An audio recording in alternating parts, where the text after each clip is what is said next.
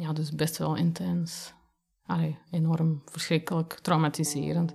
Hoe los je een probleem op wat niet iedereen kan zien? Je wordt gecontroleerd telkens op basis van je huidskleur drie keer op een dag, soms zelfs door dezelfde agenten. Een probleem dat langzaam groter wordt. Dus als wij bijvoorbeeld hier een politiecontrole in de straat zien, dan zien we mensen die gewapend zijn. Maar zich tegelijkertijd verborgen weten houden. Er zijn heel lang geen cijfers verzameld. En dat is ook deels het probleem. Politiegeweld is iets waar sommige mensen niet omheen kunnen.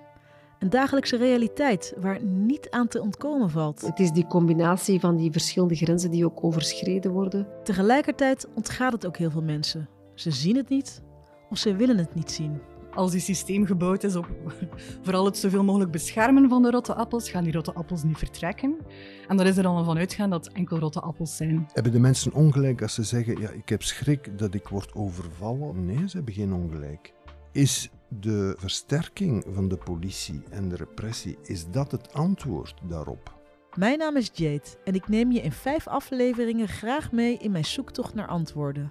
Dit is Minder Politie, een podcast over politiegeweld in België. Van Kief Kief in samenwerking met Apache en met steun van Fonds Pascal de Kroos.